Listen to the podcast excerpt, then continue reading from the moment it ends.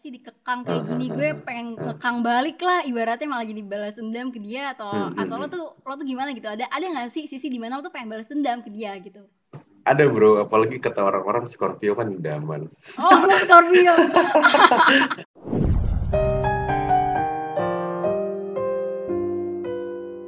Meliora Podcast, be the best version of yourself. Hello everyone, welcome back to the second episode of Meliara Podcast. Hari ini judul podcastnya adalah Manis Jadi Sadis. Bersama gue, Sasha. Hari ini gue ditemenin sama artis papan atas banget Yaitu Muhammad Irsyad bohong. Dan satunya lagi, of course ada temen gue. Dia ini namanya Bella dan kuliah di Universitas Maranatha di jurusan Psychology Nah, sebelum kita masuk untuk cerita-cerita nih, gue pengen kasih tahu sedikit. Jadi tuh kalian nyadar gak sih kalau toxic relationship itu biasanya kebanyakan dialami sama mayoritas perempuan, ya kan? Tapi gue mikir juga sih, itu sebenarnya emang kebanyakan dialami sama perempuan atau laki-laki itu nggak berani speak up. Kayak contohnya kasusnya Johnny Depp sama Amber Heard. Itu kayak udah lama banget, udah parah banget Johnny Depp baru speak up, ya kan? Nah, kalau gue pengen nanya dulu nih ke Bella, bener gak sih Bel kebanyakan tuh kasus dari toxic relationship itu psychologically dialami oleh perempuan dulu instead of laki-laki? Kalau dari kayak hasil-hasil penelitian sih, biasanya cowok emang jadi pelaku kekerasan sih. Kalau cewek itu kan eh, lebih banyak jadi korban. Jadi emang ada penelitiannya sendiri kalau cowok itu eh, lebih kasar daripada cewek. Tapi nggak menutup kemungkinan cewek juga nggak kasar ya. Tapi memang eh, ilmiahnya lebih banyak eh, cewek gitu yang jadi korban. Oke, menarik banget sih topik hari ini karena kita juga bakalan tahu perspektif dari cowok juga kan hari ini. Nah, kalau dari Irsyad sendiri nih, coba dong ceritain pengalaman lo sedikit-sedikit tentang toxic relationship yang pernah lo alamin. Yang pernah gue alamin Iya. dan berhasil gue lolos itu, em, gue nganggap itu toxic karena gue ngerasa gue udah gak sehat aja dengan cara dia nge-treat gue. Em, gue jadi gak leluasa ngapa-ngapain, kerja gue gak leluasa, gue nongkrong sama temen gue gak leluasa gitu. Itu toxic eh, relationship gue alamin tuh dia lebih ke arah posesif sih, tapi posesifnya udah menurut gue udah lewat batas gitu yang kayak dia bener-bener gak boleh ngizinin gue eh, deket-deket nongkrong sama eh, kalau misalnya ada nongkrong ada cewek lain nggak boleh dia bakal bete gitu, gitu sih. Cuma sebenarnya lebih ke kayak gitu aja nggak nggak nggak ada kekerasan tapi lebih ke batin ya. Cuma gue Oke. nggak nggak nyaman aja akhirnya gue mu- memutuskan untuk selesai Tapi kalau dari pas awal-awal jadian nih Syat, itu udah kelihatan gak sih sikap dia tuh bakalan kayak gitu? Atau dari awalnya dia manis banget, eh lama-lama nih orang jadi sadis gitu.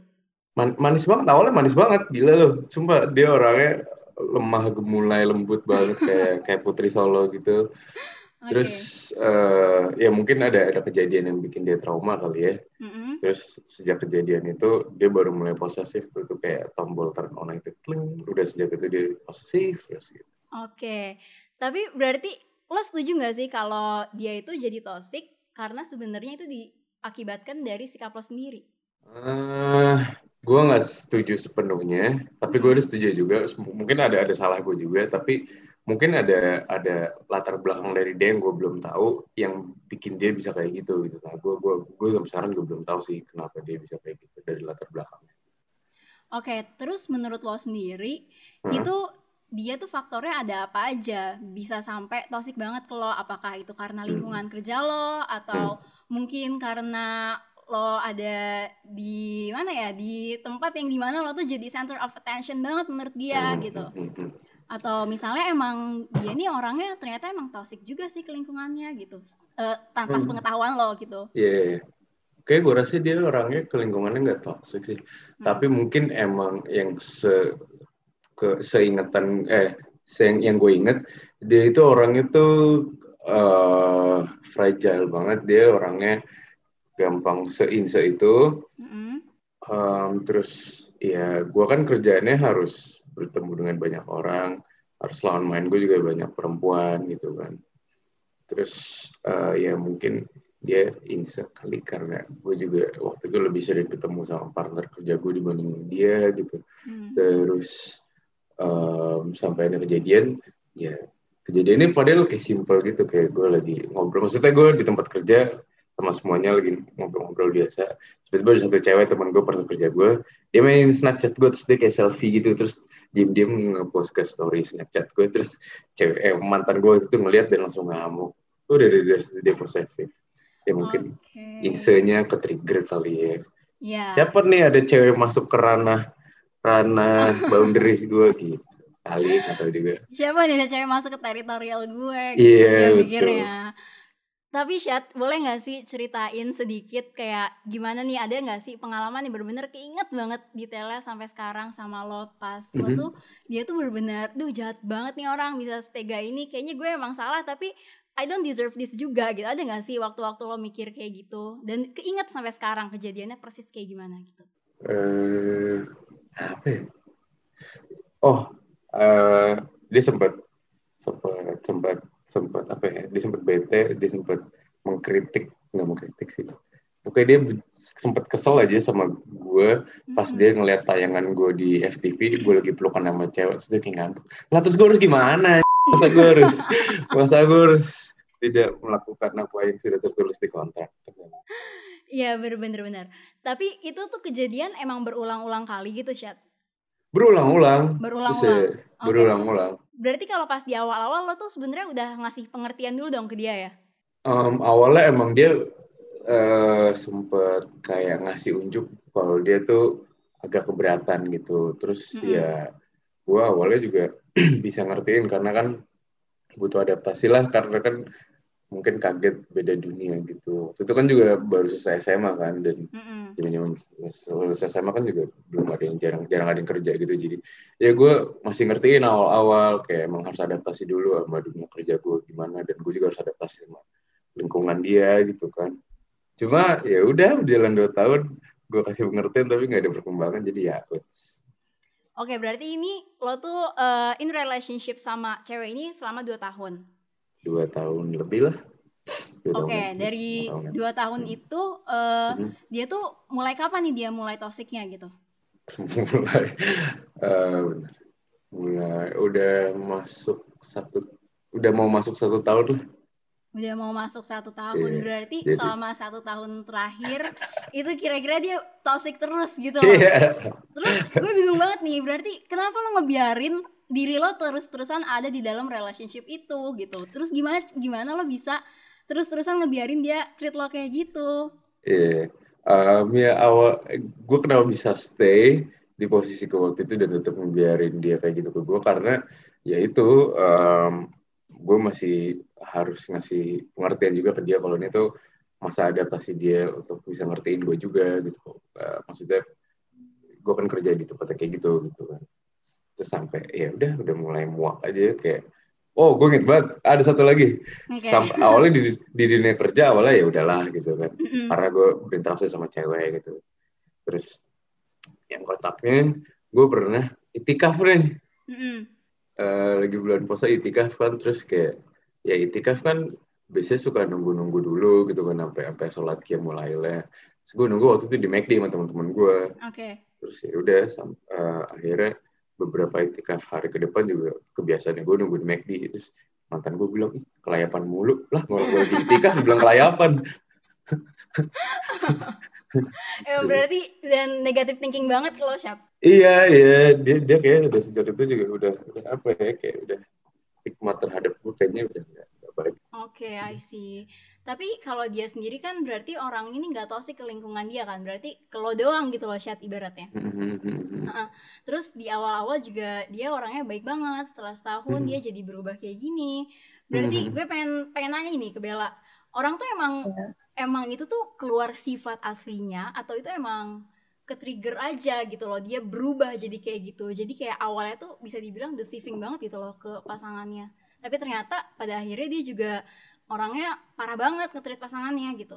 Sebenarnya bisa dua-duanya sih bisa berperan sifat aslinya bisa ke trigger juga. Karena hmm. emang penyebab orang bisa toksik itu banyak banget. Mungkin emang dia uh, pola asuh dari orang tuanya. Dia diperlakukan semua orang tuanya mungkin kayak gitu. Kayak dia bisa uh, kasar ke orang lain atau overprotective ke orang lain kayak gitu bisa juga dari ya traumanya dia mungkin dari pacaran yang sebelumnya dia digituin sama pacarnya dan dia nggak terima mungkin jadi dia kayak uh, apa ya istilahnya balas dendam gitu ke pacarnya yang baru. Oh iya, benar juga sih. Mungkin mungkin mantan lo punya mantan lagi kali chat yang Iya, iya gue inget dia pernah diselingkuhin sama mantannya ah, dulu.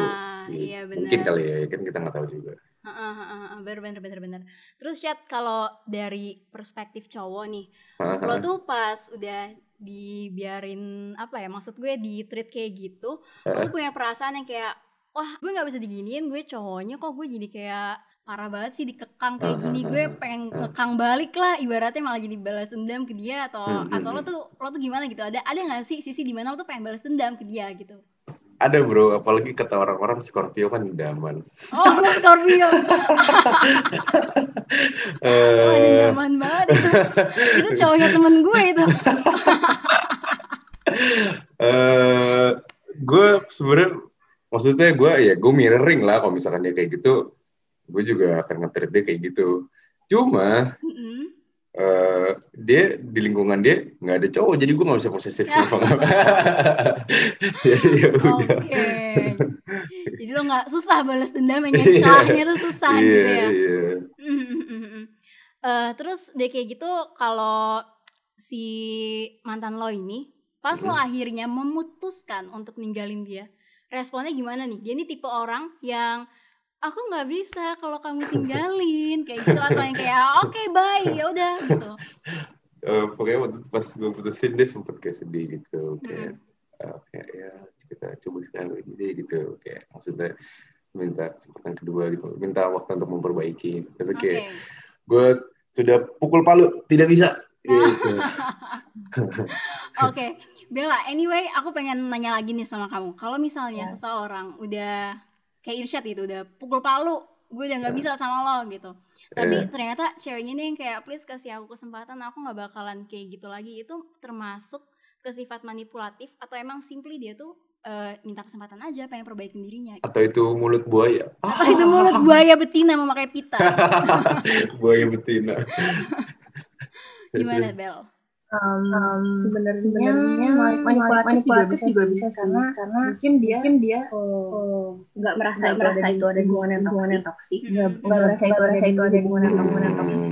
kayak kayak ya ini ya, gue ini gue gitu. gue emang gue emang kayak gini jadi dia dia kesannya kayak kayak ya lo harus terima gue gitu jadi okay. jadi biasanya orang biasanya yang orang yang toksik tuh uh, memaksa orang sama orang ya harus harus gue apa gue apa oh iya. sebenarnya dia tuh toksik dia tuh toksik gitu dia tuh melakukan hal-hal hal yang gak enak lah enak lah gitu. ke pacarnya. Iya gue setuju banget sih kalau orang toksik tuh biasanya kalau dinasihatin sesuatu dan dikasih tauin sesuatu dia kayak ya udah ini gue lo terima gue apa enggak? Gue nggak bisa ngubah diri gue tanpa dengan lo gitu loh. Padahal itu maksudnya sikap lo tuh jelek lo harus berubah gitu. Itu demi kebaikan lo juga ya gak sih? Nanti gue boleh ada pertanyaan bonus dari gue untuk kalian dan Bella. Boleh banget. Mengenai toxic relationship. Ya boleh nanti deh. Oke, uh, ini sebenarnya kita udah masuk ke sesi-sesi akhir dari podcast kali ini. Oh no. Oke, jadi kalau lo punya pertanyaan, uh, Bella atau Irsyad boleh ditanyakan sekarang? Oh boleh, gue gue nanya nanya duluan ya. Boleh pertanyaannya ditujukan untuk Bella dan teman-teman semua. uh, gue juga sering menghadapi teman-teman gue yang lagi ada di toxic relationship. Tapi tuh mayoritas mereka tuh cenderung kayak misalkan dikasih tahu udah deh kalian tuh eh lu tuh udah ada di toxic relationship ini udah gak sehat buat lu udah lu cabut dari situasi lu sekarang gitu terus pasti mereka tuh batu dan tetap aja gitu kayak uh, tetap mempertahankan hubungan tersebut sampai nanti pas putus baru bilang kayak iya lu bener juga ya gitu. Jadi gue pengen nanya tips untuk nyadarin orang yang lagi berada di toxic relationship. Mau Bella dulu yang jawab kali ya? Iya boleh. Boleh deh Bella dulu yang jawab. Kalau tips tuh sebenarnya susah juga sih kalau kita yang ngomong ke teman kita. Kayak lo tuh ada di toxic relationship karena mungkin dia sendiri sebenarnya nggak merasakan dan sebenarnya masih pengen hmm. bertahan gitu. Masih pengen kayak ah mungkin masih bisa dirubah masih ada yang bisa dirubah dari pasangan gue kayak gitu. Cuma ya kalau buat orang yang ada di toxic relationship itu sebenarnya biarin aja sih sampai dia tuh sam capek sendiri gitu. Nah, Karena dia kalau udah Iya di setuju sendiri banget sama Bella. udah. Soalnya kayak iya. kalau kita pun kayak tadi misalnya yang Irsyad lo lo tuh kayak ngasih adaptasi dulu ke mantan lo gitu buat ngerti kan nah kalau misalnya teman kita yang lagi ada di toxic relationship itu apalagi biasanya kalau yang udah toxic relationshipnya sampai udah lama banget kan ibaratnya udah bertahun-tahun gitu kan Hmm.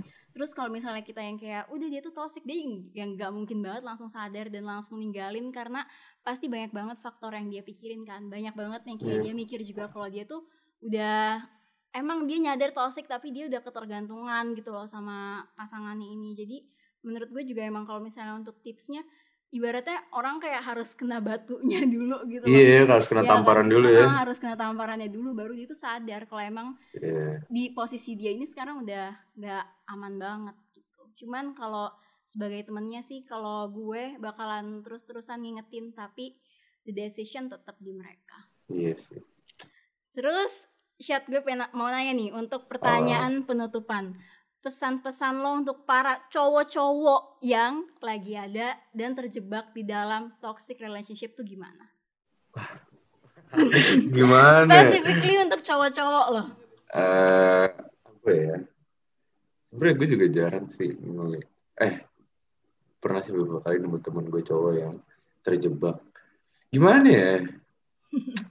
ya coba coba see the big picture ke depan aja deh nih prospeknya bagus atau enggak prospeknya akan akan berkembang atau enggak kayak kayak, kayak ya coba kasih kesempatan lah untuk si ngertiin tapi kalau misalkan udah dikasih kesempatan tapi nggak berubah masih tetap toxic ya itu up to you guys baik lagi ke decision kalian masing-masing Ya, betul sekali. gimana ya bro tadi makanya gue sih. juga nanya ke kalian tipsnya gimana Enggak sih, maksud gue tuh kayak lebih ke pesan-pesan buat cowok teman-teman cowok yang lain nih yang kayak lo kan udah pernah melewati. oh pesan-pesan nih gitu. Mm-mm. kalau pesan-pesan ya udah berarti semoga kalian cepat kena tamparannya deh Ya.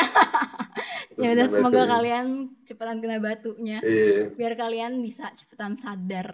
dan keluar dari toxic relationship Oke deh, thank you so much Irsyad, thank you so much Bella udah temenin kita di podcast hari ini. Semoga kalian senang untuk sharing-sharing hari ini ya, Dan- senang senang dan untuk para pendengar yang sudah nemenin kita sekarang. Sampai ketemu lagi di hari Jumat depan di podcast Meliora. Goodbye. dadah